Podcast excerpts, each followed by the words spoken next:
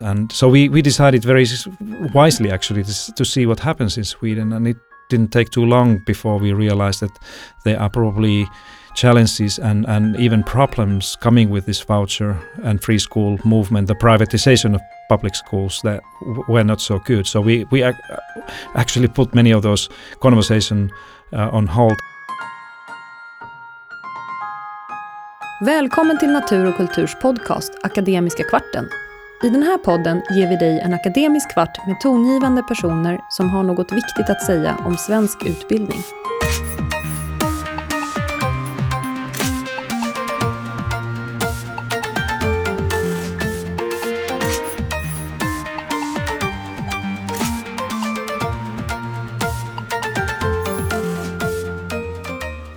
Jag heter Niklas Gårdfeldt Livi och är utgivningschef för pedagogisk litteratur på Natur och kultur.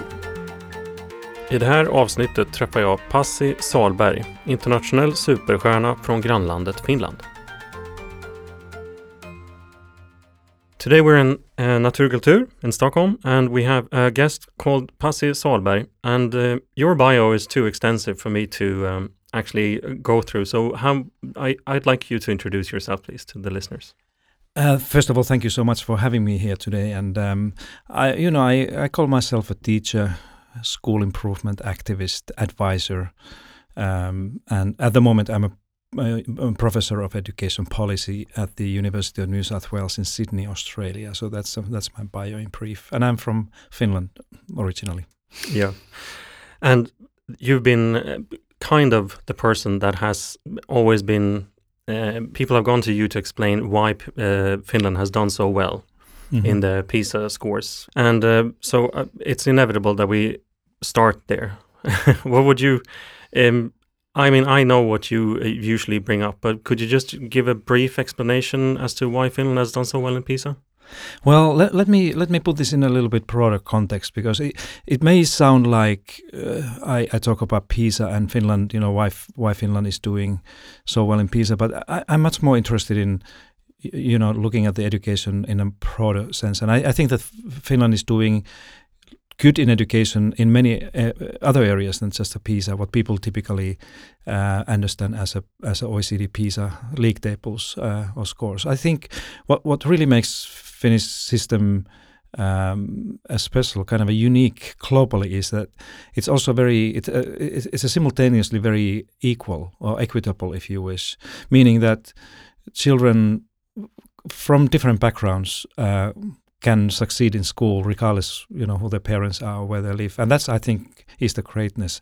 Of course the, the pisa is looking at these things as well but i think too often people just look at the math and reading and science and how what are the the scores in in in those things. But i associate a a huge part of the the finland's uh, quality of education system to the fact that we we have had a dream to have good school for uh, all children in their neighborhoods. That used to be a Swedish uh, dream as well, but that's what makes us different. And that's, of course, led to the requirement that if you want to be serious with that type of dream, you need to have teachers and principals and people who are able to do that. Because I believe that in, in the end of the day, it's all about people. And we, we have really, during the last 40 years, uh, selected those people who will be teaching in our schools and then prepare them uh, very well. And so th- those two things are the ones that really stand before probably anything else when it comes to the, the quali- overall quality of the system of education. Mm. I listened to you give a talk in uh, at AERA in New York recently. I was very moved by how you explained a lot of the uh, progress and, and the good things that have happened in the in the Nordic countries. Uh, you were attributing that to the public education system and now we we have chosen a different road. And I've heard you say that you studied Sweden and you put reforms on hold. Um, what what did you see as an from an outside perspective uh, happening in Sweden from say from the 90s and and onwards? Yeah, first of all, you know the Finnish school model is is very much like um, like a Swedish model used to be. It's it's been always inspired by what Sweden has done, and I I remember I spent the the entire 1990s with uh, working with the uh, the government actually in Finland, and we were watching very closely what was going on here in Sweden, and all all the way until early 1990s, we we kind of uh, believed that the Swedish system is something that we we want to have in Finland as well. Until the the the new um, uh, school voucher reform came uh, into light. I, I, think it was in 1992 or three or something like this in Sweden, and and we, uh, you know, many of us in in Finland, the first reaction was that we want to do what the Swedes are doing, but then there were a lot of uh, kind of concerns about what's going to happen to this Finnish dream of having a great school for everybody when if the if the parents and and students follow the follow the money uh, to the to the schools and so we we decided very wisely actually to, to see what happens in Sweden and it didn't take too long before we realized that there are probably challenges and, and even problems coming with this voucher and free school movement, the privatization of public schools that were not so good. So we we ac- actually put many of those conversation uh, on hold and and said may- maybe we have to find another way. And luckily we did that because the Finnish Finnish system could be could be similar to what Sweden is now if we had done what we had done before that all, all the way until 1990s. Yeah, and I also heard Andy Hargreaves in uh, when I listened to you at the same conference, and it was kind of disheartening as a Swedish person to hear him uh, talk about the U.S. system as a uh, failed school system, and then the only other country that he mentioned was Sweden. And um, if we stay with the with the voucher. Um, uh, system, uh, skolpeng in Swedish. Um, now that that reform has been set in motion, I mean, you, you have these massive corporations running schools. Um, the cat is out of the bag. Um, is it possible to address the problems that you see with the voucher system in now that we've already had the the system in place?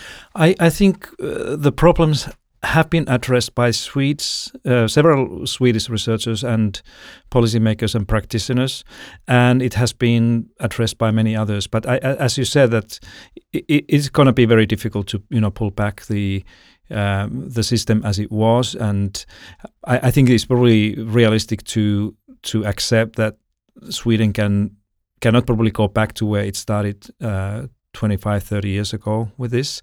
But I, I think that there's always room for managing the school choice and, and vouchers uh, differently. And especially when it comes to what you mentioned about the big pro- for-profit companies running running these school chains and uh, and basically making money out of uh, a profit out of taxpayers' money that, that should go for Swedish children in in a school. So I, I think it's a complicated situation, and and the, probably the best thing to do is to try to figure out what is the what would be the good way to make make sure that it's some somehow under under some sort of control the school choice because the evidence is very clear around the world that the, this type of market-driven school choice has never worked anyway. There's no there's no no good good example. So in that that sense, I think the the promises for Sweden to be able to do well in education within this uh, ongoing current um, free market system are very very slim. Hmm.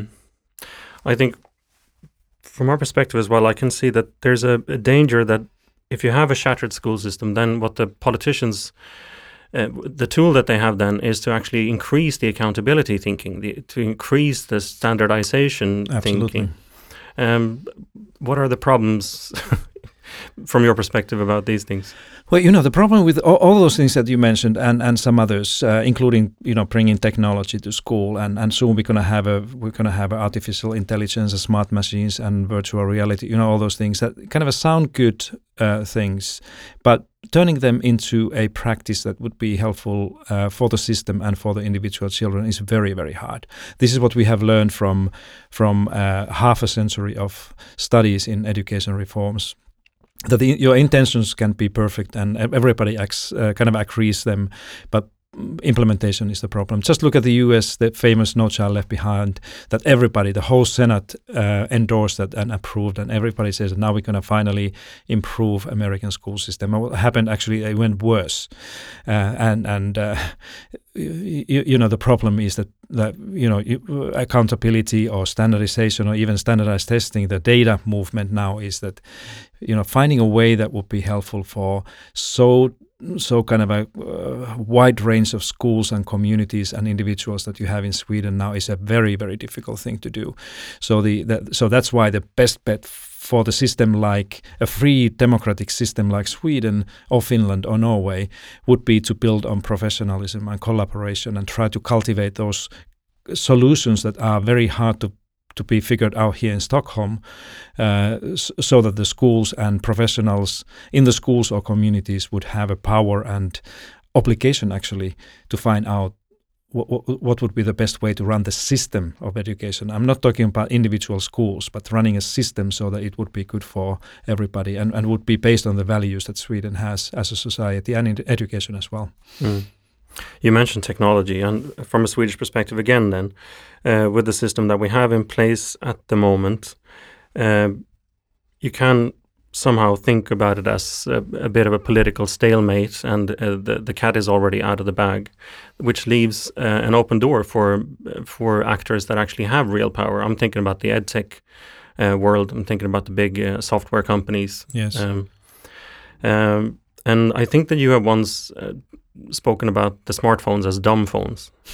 Um, it would be interesting to hear what your thoughts are about uh, technology in particular and uh, these big corporations that are now making massive, massive attempts to enter the classrooms. Yeah, it's, it's this. This is a long story, and uh, I, I, think we need another sit down on on these things. But you know, I, I think that we, we, we, need to be mindful and careful that there are many many uh, private companies and edtech and others who really have good intentions. They have good um, good kind of ideas that they would love to share with everybody. But then on the other hand, uh, you know, every private company is run for the idea of profit and making money out of this. And and the bigger the company, the bigger the profit, of course, is. And here again, we are we are we are dealing with the issues that that have never been tested really before. And and you may call it an innovation, or you you may ask, uh, kind of insist that schools have to innovate and teachers have to be more innovative. But these, you know, many of these solutions you mentioned, uh, smartphones yourself, are the things that we have never ever had in our lives in in a way that we have them right now. And and let let alone uh, you know children in schools who are carrying them in their pockets and and do all sorts of things over there. So so the, this is a very very difficult thing. Research research is too early. So if you if you are one of those who is asking for research evidence of the impact of smartphones on children's learning or their lives or behaviors, that that evidence is just about to come. So so we have to you know my philosophy here is that if I have a reasonable uh, if I have a reason to believe that something can be harmful for children, for me that's the call for action. That's a kind of a school improvement activist side of me, and and you know uh, asking for asking for evidence comes along as we move uh, move towards you know seeing how these decisions play out. But uh, again, you know the the technology will be a big savior in education for sure. That there will be many wonderful things that we can children can do that they have never been able to do to help them learn and understand and communicate and solve problems. But it comes at the same time with this first of all this. Uh, uh, private commercial interest, and and secondly, many of the unintended in, inconvenient uh, effects that the, the the heavy use of technology will have that nobody knows. So, uh, I, I, think the best we can do here as educators is to be very careful and mindful, and not to rush. Um, to you know any large scale implementation before we are absolutely clear that this will be good for kids. And one thing I know right now is that just simply asking children in a school here in Sweden or Finland or anywhere to do more things with iPads or computers or smartphones without having a really good reason to do that is a bad idea because the, the kids already teenagers and adolescents they spend hours and hours and hours every day with those devices and I, I think there's a the, the, there should be more room for conversation and face to face kind of understanding who the other people are in the room. Mm. And I'm guessing it's the activist uh, posse that um, has made you put this quote on your website. If you don't lead with small data, you'll be led by big data. That's right. Yeah, and that's that, that actually has has less to do with the technology itself. This is more about this big data movement in general, or kind of evidence-based movement that we can see now now everywhere. That people think that more data we have, the closer to solving the educational problems we we are and there are people who seriously believe that we don't soon we don't need research anymore in education or anywhere because we can just rely on correlations from the huge amounts of data and that's why we, um, myself, together with some of my colleagues, we are calling for small data that is more about professional human judgment uh, and teachers' professional wisdom that is needed, together with the statistics and and and the, the big data, if you wish. But just you know, letting schools to be allowing schools to be led by big data, smart machines, and algorithms and analytics will be a disaster. Mm. I heard you in an interview where you were talking about um, how a school system preferably would create young people that come out and uh, they've realized their passion and what they want to do with their future. And I'm thinking maybe this is a long shot when it comes to the comparison, but uh, this the current Swedish school debate sometimes feels uh, it's very dark and pessimistic, and it it can influence the passion within the classrooms. Is my suspicion, and uh, there was a lot of talk at the conference that I mentioned before about how to change the narrative yeah, of education. Yeah. And um, how do we change this narrative, in your view? Well, you know, I, I think that the Swedish system. When when I, I spent a uh, day whole day in, in, in a school today here, and and what I see, you know, I see a lot of this type of thing that they the school uh, essentially is trying to, you know, figure out what what is the best within each and every child. Uh, so in in that way, I think that the Swedish school system is in a, in the right path. And the school had a kind of a big poster on the wall about the how the work of the school is based on Howard Gardner's multiple intelligences. You know all those nice things that are really at the heart of this call that I've been trying to amplify.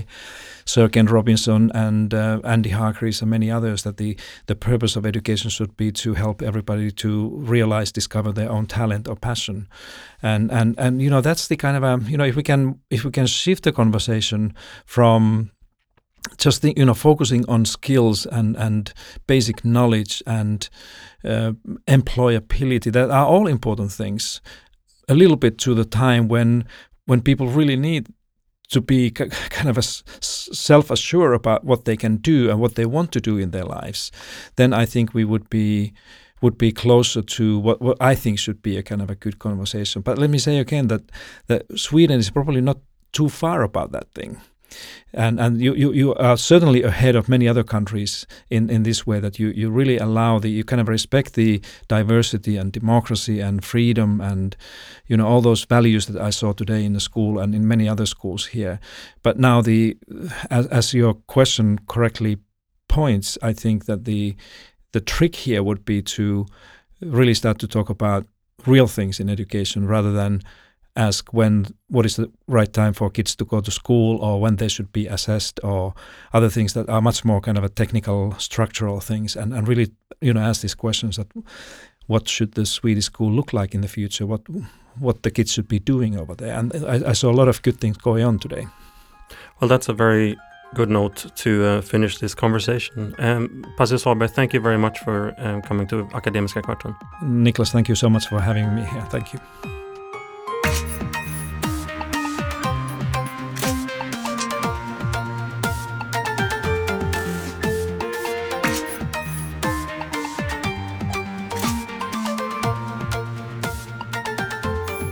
Förlaget Natur och kultur är en stiftelse som utan ägare kan agera självständigt och långsiktigt. Vårt mål är att genom stöd, inspiration, utbildning och bildning verka för tolerans, humanism och demokrati.